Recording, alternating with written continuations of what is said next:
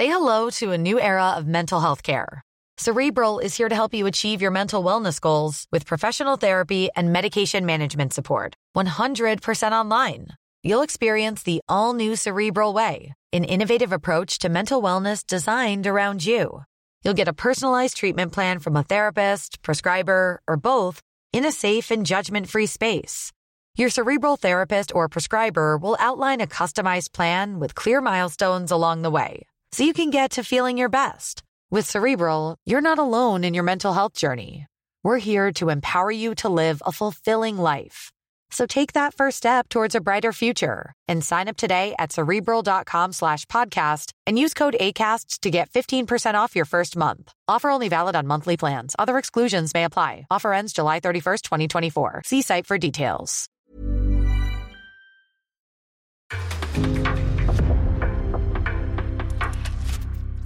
En podcast från Aftonbladet. Men v- v- hur, hur mår du idag då? Är, du, är det en Nej, jag- bra dag eller en dålig dag? Nej, det är en bra. Det är det? Det är som de flesta dagar är bra dagar. Det är så? Ja, är det inte så för dig då? Varannan typ? Varannan? Är det dag, bra eller dålig dag då? Idag är en ganska bra dag. Det var skönt att höra. Jag ska intervjua Christer Fuglesang. Det är en bra dag. Klassiskt recept till en bra ja, dag. precis. Men man- jag måste säga att man blir, liksom, man blir ändå starstruck av, av, av Christer. Det blir man ju. Även om du verkar vara en kille som har fötterna på jorden ändå. Ja, jag menar ja. Det, det, det förvånar mig fortfarande. eller, eller det förvånar mig att det fortfarande är lite så. Det gör det. Ja. Men det, det är ändå vår coolaste gäst i den här podden någonsin. Tack, tack. Är du redo för lite topp 1 i Sverige? Jajamän. Kör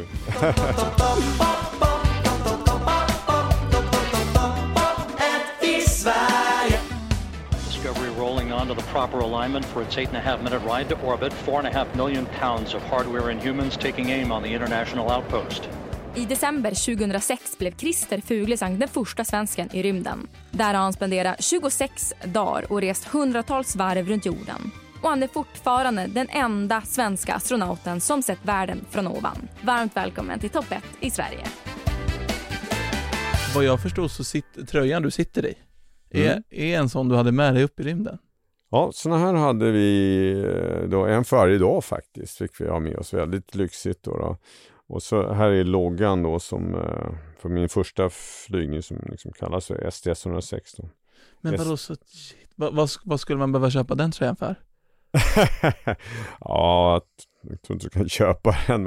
Om jag ger dig 5000 Mm, 5000? för att ha en tröja som Ja. har varit i rymden hemma. Ja, ja det kanske... Det, är kanske där någonstans. Där någonstans. Alltså, det du har gjort är ju liksom historiskt på massa olika sätt. Du är helt ensam av alla i Sverige att ha gjort det här. Mm. Ändå känns det som att så här, det finns liksom inga statyer, det finns, har du fått tillräckligt med uppskattning för det du har gjort? Ja, det tycker jag. Har du ja, det? Ja, ja, det tycker jag. Men borde du inte stå liksom någonstans i Stockholm, en, staty av vet dig? väl att eh, statyer sätter man egentligen bara upp när folk är döda, så jag hoppas det dröjer ett tag. Ja, just det gör man ju. Men för när jag googlade så här saker som, äh, så här, minnesgrej, eller inte minnes men så här, för att, för att fira det du faktiskt har gjort, så hittade jag typ att de har döpt en pizza efter dig någonstans i Sverige, på en pizzeria. Jag tycker så här, det räcker inte. Eller? Eh, jag såg att det var någon bryggeri, uh, tror jag, i Skåne som just var ett sommaröl där som de hette Fågelsång som de hade lite dedicerat till någon astronaut. Okej. Men det, du har fått en öl och en pizza, vad fan? Nej men jag, jag, jag har fått väldigt mycket uppmärksamhet och liksom utmärkelser, medaljer och grejer så jag är väl Du är nöjd? eh, nöjd ja. Tänk dig Christer, sju år gammal. mm. Många barn i den åldern har ju som dröm att åka till rymden. Det är väl liksom den vanligaste, att bli astronaut, typ. Vad sjuåriga Christer så?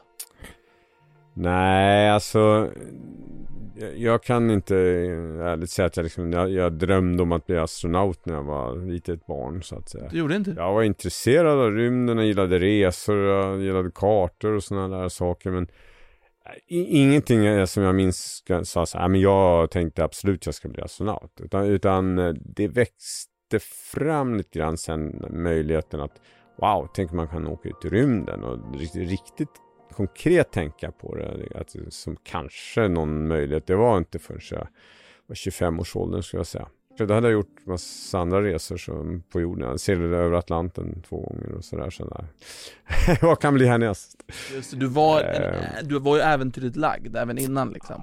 Ja, det kan man väl säga att jag är lite Mm. äventyrligt lagd. Ja. Mm. Men jag hade ingen aning hur, man- hur man skulle gå tillväga för att komma ut i rymden.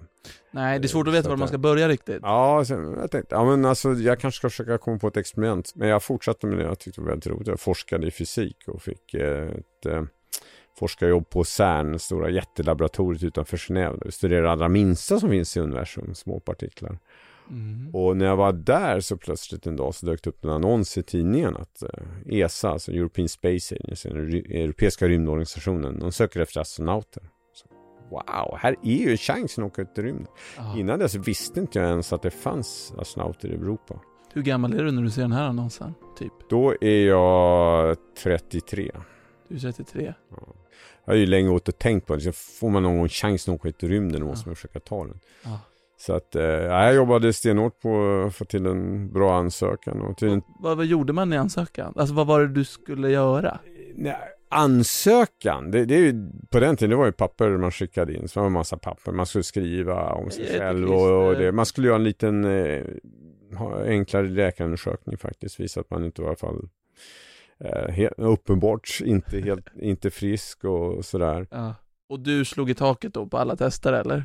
Man tar inte ut någon därför att de är exceptionellt bra på något speciellt. Utan det är snarare som att man blir utsållad om man, det, man är dålig i någonting.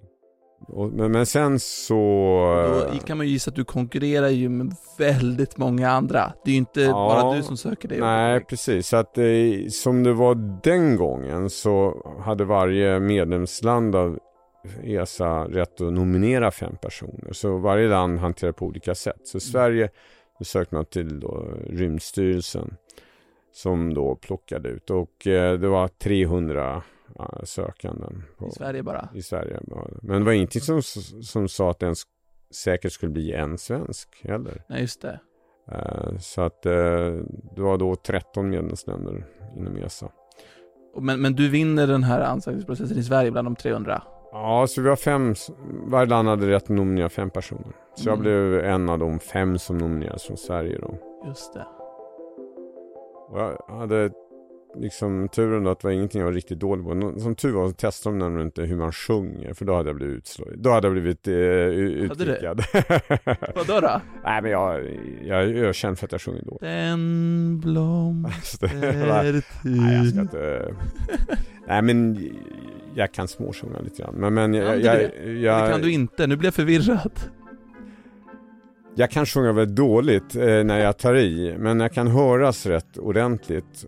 Det var liksom så att jag var informell sångledare på, som student på festerna. Därför att jag kunde texterna, jag kunde höras väldigt bra och så sjöng jag Ja, inte bra. för bra va. Man ska inte sjunga för bra som sångledare för då vågar inte folk andra sjunga. Hur, hur kunde det låta på de där festerna då? Kan man få ett litet, litet smakprov? Jag vill Men innan vi fortsätter så ska jag berätta att det här avsnittet är i betalt samarbete med NordVPN som jag och Majsan vill uppmana faktiskt alla att prova på. Det som är... Houston, we have a problem. Vad, vad ska jag... Vad, Jag eller vill vad, att ja, du och lyssnarna ska gissa vad det är för filmer. Jag kommer komma med några. kan jag få fortsätta? Filmer för... Ja, men berätta lite mer. Okej. Over. Men det passar ju också lite för med NordVPN så kan man ju se filmer och serier som annars är blockerade i Sverige. Det funkar som ett privat nätverk som gör att du kan koppla upp dig mot servrar i hela världen. Say hello to my little friend. Du får mig att tappa fokus. De skyddar också dig, de skyddar dina personuppgifter, de skyddar din digitala integritet på nätet. Till exempel så har NordVPN en tjänst som blockerar farliga virusfiler eller blockerar så här konstiga annonser som kan poppa upp lite var som helst på internet. Ska du ha en stänkare? Och nu så kan du som lyssnar och tittar få ett exklusivt erbjudande. Gå in på nordvpn.com mauri så kommer du få en saftig rabatt på NordVPN. Det är helt riskfritt och de har en 30 dagar pengarna tillbaka-garanti. Kanon. Prova NordVPN. Eh, gör, det bara. Nu fortsätter avsnittet. Kunde du någon? Hallå? Filmerna? Nu fortsätter vi. kan man få ett litet, litet smakprov? Eh, Jag vill börja gaska, vad fan är min flaska? Vem i helvete stal min butelj? Ja, där börjar han på en av våra Det där var inte så gastsånger. dåligt. Det var helt okej. Takten Ja, sitter okej, i alla ja, fall. men det kan bli. Ja, precis. Men, men, men det, in, sång in, det ingick inte som test som tur var. Nej, just det. Men i alla fall, eh, eftersom att den inte ingick så klarade du det då eh, till att bli nominerad eh, till Europa, där de gjorde nya tester. Ja. Och hur många är ni ungefär i det här, när hela Europa ska testas liksom? Hur många är ni kvar i processen? Ja, då var, eh, så var vi 65, då, drygt 6, ja nästan. Och för vi var 13 medlemsländer och alla länder hade rätt att nominera fem personer. Just det, Så det var några som inte hade gjort fem, men så det var drygt 60. just det. Eh, Då är det fortfarande, då är ju med de toppen i hela Europa som du konkurrerar med där. Ja, eh, så är det ju. Och kan du berätta om dagen eh, du fick meddelandet om att de hade valt? Ja, det, för det kommer jag ihåg. Det var 15 maj 1992, jag kommer ihåg. Är det Det var nästan två år efter att den här annonsen hade dykt upp, alltså så lång tid tog det. Och eh, då ringde någon från Rymdstyrelsen och var väldigt glad och upphetsad. Jag kunde knappt förstå vad hon sa först, men eh, hon meddelade att ja, jag hade blivit då uttagen, en av bara sex nya astronauter för resan. Man blir glad. Egentligen det var ju någonting då som hade Ja, eh, tänkt väldigt mycket på de senaste två åren då. då. Så Ja, såklart. Det kändes ju väldigt bra. Det är klart att man, det var ju lite omskakande också. Jag menar, visst jag hade gått och tänkt på det jättelänge. Men, men, eh, Plus att det är också ett farligt jobb. ja, men det tänkte jag inte på. Det är ju ändå alltså så om man ser till procent så är det måste vara ett av de farligaste jobben i världen. Ja, det, det, det, det, är det nog. Ja. Eh, Kanske inte det allra farligaste, men, men bland de farligare. Vad, vad, vad tjänar man som astronaut? I ESA? Ja, man tjänar jämfört med svensk lön hyfsat alltså. Men, du, men som astronaut så känner man inte mer speciellt, alltså något extra, utan eh, det är ett välbetalt internationellt jobb, därför man är välutbildad. Men, men jag känner inte mer än eh, liksom mellanchefer. Vad, vad snackar vi? Typ? Ja, liksom 80 ja men i storleksordningen eh, 100 000 kronor i månaden då. då. Ja, Det- det känns liksom så futtigt med tanke på hur stort uppdraget är om du förstår vad jag menar. Jo, ja, det är många som är förvånade över det, men, men eh, Fast det är också bra Å pengar. andra sidan så det finns eh, definitivt många flera människor som gärna skulle vilja göra det så att det, det Sant. Egentligen borde det vara... Jag har aldrig hört om några astronauter som gått i strejk som SAS-piloter till exempel. Kul om ni gick ut i strejk. Så det blir väldigt tråkigt. 2006 så, så blir ju då äntligen en flygning Mm. av. Mm. Vilken stad flyger ni ifrån? Vi flyger från Florida, där ligger Kennedy Space Center eller Cape Canaveral och det är där alla, alla amerikanska rymdfarkoster med människor har skjutits därifrån. Va, vilken tid vaknar man då? Alltså, när ringer larmet på morgonen? Eh, Ja, vi, vi, vi har faktiskt då eh, vridit vår dygnsrytm under veckan innan för att det ska matcha med när vi ska starta. Och eh, vår start var på natten. Så eh, jag- jag såg precis lika bra som vanligt. Eh, jag visste att det var en ja, hyfsat stor risk egentligen mot vad man brukar vilja ta. Det var en på 70 att det skulle liksom gå till helvete. Mm. Och, men man var ännu inte rädd. Så gick vi upp och käkade och frukost? ja, då åt man frukost. Man kunde välja maten och allt sådär. Vi, bodde, vi bodde i karantän också för att vi inte skulle liksom bli smittade och få med oss något skit. Alltså hur noggrant kontrollerar de frukost? Alltså, för där, det får ju inte vara någon dum bakterie i gröten där liksom. Nej, så att ja, men jag tror inte man kollar maten mer noga än man brukar göra. Men, Ah. ja, men vadå, mat har man väl alltid normalt Jo men vadå, två piloter får inte äta samma sak innan en flygning så att inte båda blir magsjuka, för det vore ju väldigt dåligt. Ja, här men eh, nej jag tror inte att det var riktigt så faktiskt. Här sticker jag ut hakan och säger det är slarvigt. Det är sl- ja, Ni men, käkar frukost och sen beger man sig mot stationen. ja, sen så är det en ganska lång process att ta på sig rymddräkten ordentligt och testa så att den är lufttät. Och... Man eh, skjutsas med en speciell eh, buss upp dit som kallas för Astrovanen kom man fram till rymdraketen här, jättestor som stod och liksom pös lite grann. Och, det. och Jag har ju varit där många gånger förut och tittat och träningssyfte. Då har det alltid varit massor av människor och liv och grejer. Men nu var det ju helt öde. Och så tar man en hiss upp till högsta våningen, 50 meter upp ungefär. Eh, och där fanns det några eh, killar som liksom då hjälpte oss in i rymdfärjan. Det, det, var inte så lätt att liksom klättra in i den. Och då står den upp och ska man liksom man ligger på rygg i sina säten. You're all going to be with us tonight, going to orbit. We look forward to lighting up the night sky and rewiring ISS. See you in a few weeks. Man ligger där och nästan kanske inte så mycket att göra. Man nästan halvsover och snackar lite. Och, Ursäkta, sitter du och halvsover? Ja, men inte så mycket att göra i ett par timmar. Och, eh, men två minuter innan, då, då, då liksom, nu, nu är det dags att börja förbereda ordentligt. Nu stänger man visiret på hjälmen och sådär. Clear launch discovery. Copy that, thank you. Eh, sen en halv minut innan så börjar det röra på sig lite olika grejer. Och eh, så sex sekunder innan liftoff, då startar huvudmotorerna. Och när de har varvat upp ordentligt, då startar boostrarna på sidorna. Och då är det bara en jävla kick upp.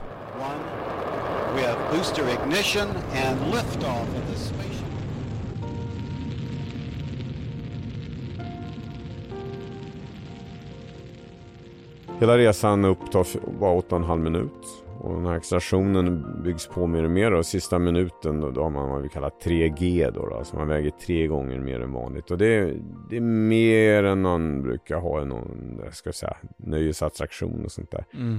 Men, men det är bland annat därför vi ligger på ryggen för att inte blodet ska åka ner i benen utan då blodet är liksom på samma nivå som huvudet då så man inte förlorar blodet från skallen för då kan man upp av. Men och, tar det ungefär sju minuter tills ni liksom är ute i rymden? Ja, det är lite på vad man menar med ute i rymden. Vi säger att rymden börjar vid 100 km höjd. Mm. Eh, och, och, dit kommer man ja, fortare än så. Man åker egentligen upp, på, upp först och sen så när man har kommit upp en, över atmosfären då man, så svänger banan av, det gör den i sig hela tiden, men, men svänger av och sen så följer man jorden. Det, är mer en fråga om att få väldigt hög hastighet än komma högt upp. Man måste komma upp i en hastighet av nästan 28 000 km i timmen. Hallå? Ja, nästan 8 km per sekund. Det är väldigt eh, Men då, i, i, när ni är som snabbast åker ni 28 000 km i timmen? Ja, nästan. Alpha Houston on 2 with an update. Discovery is on the V-bar 360 feet. Welcome aboard. Tar ungefär en och en halv timme ett varv runt jorden. Åh oh, helvete. Och vilken höjd, den här banan runt jorden, vilken höjd är ni på då? Alltså för min eh, del då så åkte jag upp till rymdstationen. Rymdstationen då när jag var där första gången, nog på 360 km höjd. 360 km höjd? Ja, ja. Det, det, är inte långt va? Om tänker 36 mil då, det är ju det är inte ens till Göteborg från Stockholm. Ja, det har du rätt i. Ja. Vet du hur långt bort månen är jämfört med det? Jämfört med? Hur långt är det till rymdstationen? Eh, det känns som att den är, är inte månen typ 40 000? Det är någonting med 40? Ja, nästan. 400, ja 40 000 mil. 40 000 mil? Ja. Så det, det, den är tusen gånger längre bort. Så du, skulle man kunna säga egentligen att du bara typ åkte till Skövde? Ja, på sätt och vis då. Där stängde vi av motorn. Sen så fortsatte vi väldigt... Runt, men, äh, det var ja, längre bort än Skövde? Nej, alltså inte i förhållande till, inte från jordens yta, nej precis. Så att det, det, Jaha. det, det så det är en väldig skillnad. Jag känner mig ändå lite besviken nu. Du, ja, var, bara, du var bara i Skövde. Jag är ledsen alltså. Sitter och intervjuar en kille i en timme som åkte till Skövde och tillbaka. Ja, ja. Fast uppåt. Vilket ja. ändå är lite skillnad ju, såklart. Ja. och, och ditt, eh, liksom det stora uppdraget här är ju att du då ska ta dig liksom ut och gå alltså, och liksom mecka med någonting vad jag förstår, på, ja, kan man säga. utanpå. Ja, det kan man säga. Alltså hur tar man sig då ut ur, far, alltså ut ur stationen? Ja, det är en luftsluss, så att eh, du får hjälp att ta på dig rymddräkten. Och då? Och sen, ja, sen glider man ut och så får man se till att man hela tiden sitter fast, så man har säkerhetslinjer så. Eh, och om man tappar greppet ska man liksom inte glida iväg. För då kan man inte komma tillbaka.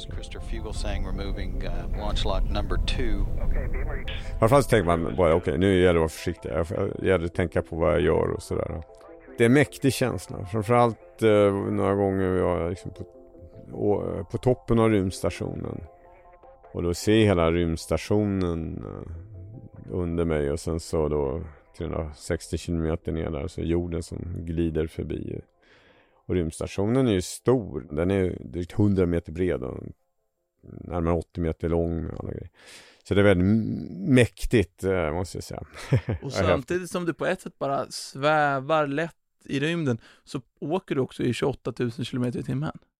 Det märker man inte. Man ser att jorden glider under en men, men Ja. eh, det, det, det är liksom inte så att man, man upplever ingen hastighet. Det gör man inte.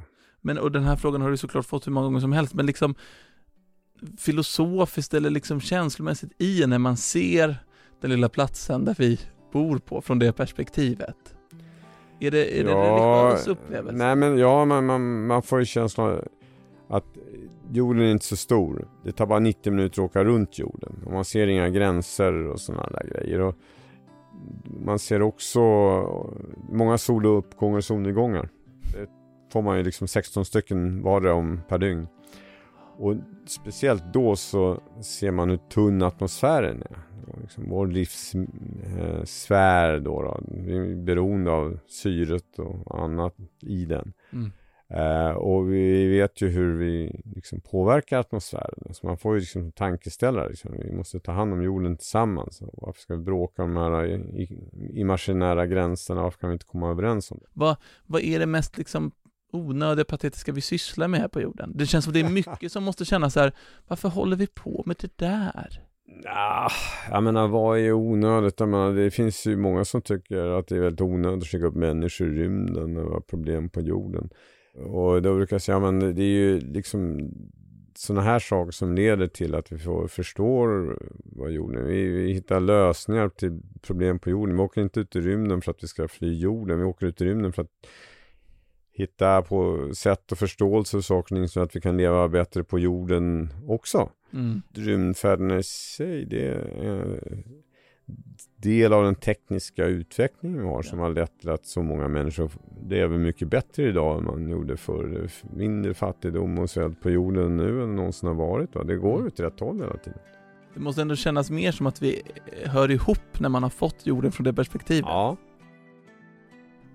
Blir man liksom lite rädd för universum efter att ha varit där uppe? För det är så läskigt, så mörkt och så långt. Och så stort. Nej, det är oftast tvärtom. Ju mer man lär sig om någonting eh, desto mindre läskigt och rädd blir man.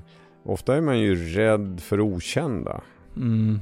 Ett sånt exempel skulle kanske kunna vara att vi vet numera att ja, det finns eh, asteroider där ute i rymden. Och, de har slagit ner på jorden och det kan de göra igen och vid ett tillfälle, eller ett par tillfällen så har de liksom dödat större delen av det liv som fanns på jorden. Senast var det då en 67 miljoner år sedan. Mm. Vet man någonting om när nästa kan tänkas komma? Nej, nu kommer jag inte ihåg hur det är, hur det är men, men, men statistiskt så kan man säga att ja, var hundrade år så slår det ner en så här stor och Men vadå, det slår ner eh, halvstora asteroider, alltså stora som en fotboll, var hundrade år? Ja, oh ja, oh ja. Stor, fotbollsstorlek, eh, det, det är säkert oftare än så. Men när den kommer in i atmosfären så, så brinner den upp väldigt mycket av den. Så att om Mm. kommer en fotboll ner på backen, då är den ganska stor från början. Mm. Eh, så att, eh, Då ska man ha en jävla otur att träffa just den själv. ja precis. Men jag tänker, det finns ju ett antal dumma frågor som jag måste ställa som man ändå är nyfiken på. Alltså, Toaletten. Till exempel, vi, vi, tar, vi tar dem i, i ordning. Vi kan börja med toaletten. Ja, det, det är ju, eh, vet du, problemet är att grejer faller inte ner. Så Nej. det gäller att samla upp det på något sätt. Då, då. Så man har, det är i princip en dammsug kan man säga. Så, så det är väldigt enkelt att kissa. Man bara kissar ner en tratt. Som, lite knepigare var det när man skulle skita då. För att eh, det, är samma lite princip att ska suga ner. Ja. Men det kanske inte är kraftig sugkraft alltid. Sådär. Hade du några olycksfall där? Ja, jag hade ett kan man säga ett olycksfall i arbetet. Det. När du kommer upp i tyngdlösheten så händer väldigt mycket med kroppen.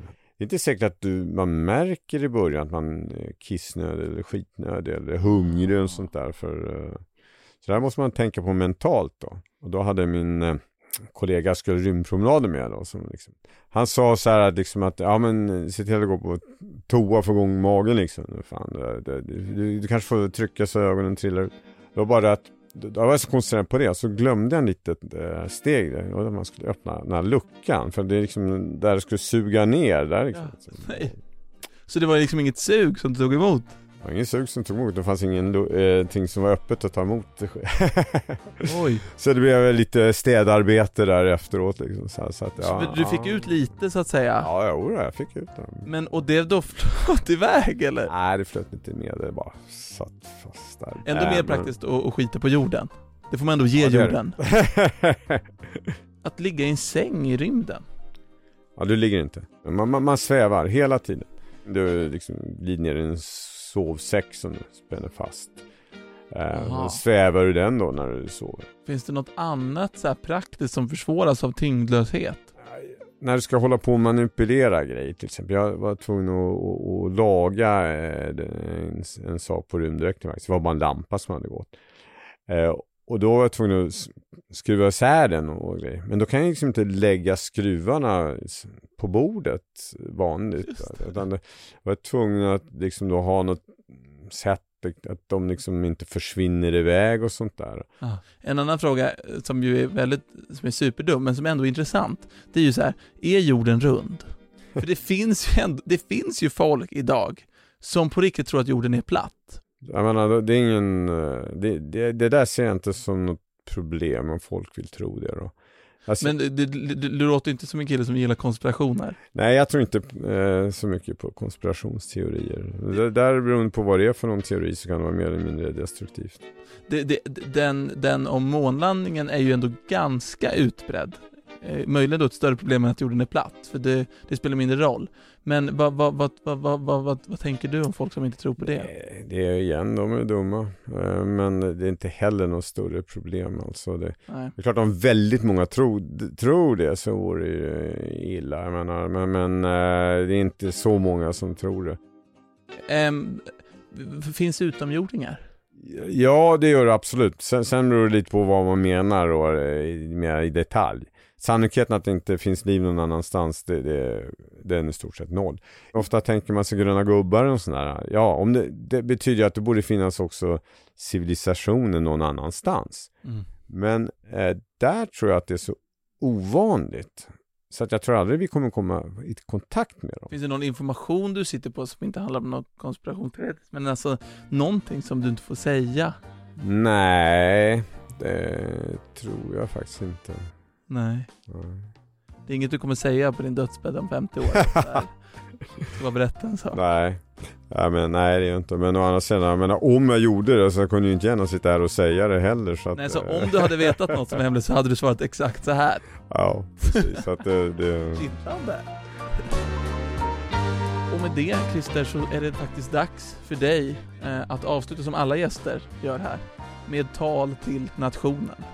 Oj. Vi kommer sätta på hörlurarna, vi kommer höra den svenska nationalsången och det känns ändå som att det finns ingen som är bättre lämpad på något sätt med alla perspektiv du ändå har fått och göra ett härligt, kärnfullt, spännande och kanske lite episkt tal till vår nation. Är du redo? Det var jag helt oförberedd på, men ja. eh, jaha, okej okay då. Även om du är oförberedd. eh, det är bara att sätta på dig hörlurarna när man åker runt jorden så känns ju inte jorden så stor. Men så några gånger så kom vi nära Sverige och att liksom se Sverige från rymden, det var speciellt. Och veta att här nere bor liksom de jag känner, de bästa platserna på jorden. Och jag tror att eh, vi kommer kunna göra ännu mer av vårt land. Och jag tror att vi kan kunna göra mera åt rymden från Sverige. Det ser jag fram emot. Tack för att du var med i topp 1 i Sverige. Sveriges enda astronaut Christer Fuglesang! Tack för att jag kom med. Snyggt! Där satt den. Det var nästan lite statsmin statsministermässigt eh, tal du körde där. Skulle det vara det? Statsminister 2026. du har lyssnat på en podcast från Aftonbladet. Ansvarig utgivare är Lena K Samuelsson.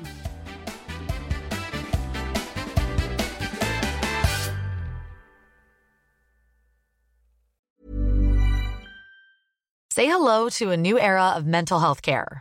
Cerebral is here to help you achieve your mental wellness goals with professional therapy and medication management support. 100% online. You'll experience the all new Cerebral Way, an innovative approach to mental wellness designed around you. You'll get a personalized treatment plan from a therapist, prescriber, or both in a safe and judgment free space. Your cerebral therapist or prescriber will outline a customized plan with clear milestones along the way so you can get to feeling your best. With Cerebral, you're not alone in your mental health journey. We're here to empower you to live a fulfilling life. So take that first step towards a brighter future and sign up today at cerebral.com slash podcast and use code ACAST to get 15% off your first month. Offer only valid on monthly plans. Other exclusions may apply. Offer ends July 31st, 2024. See site for details.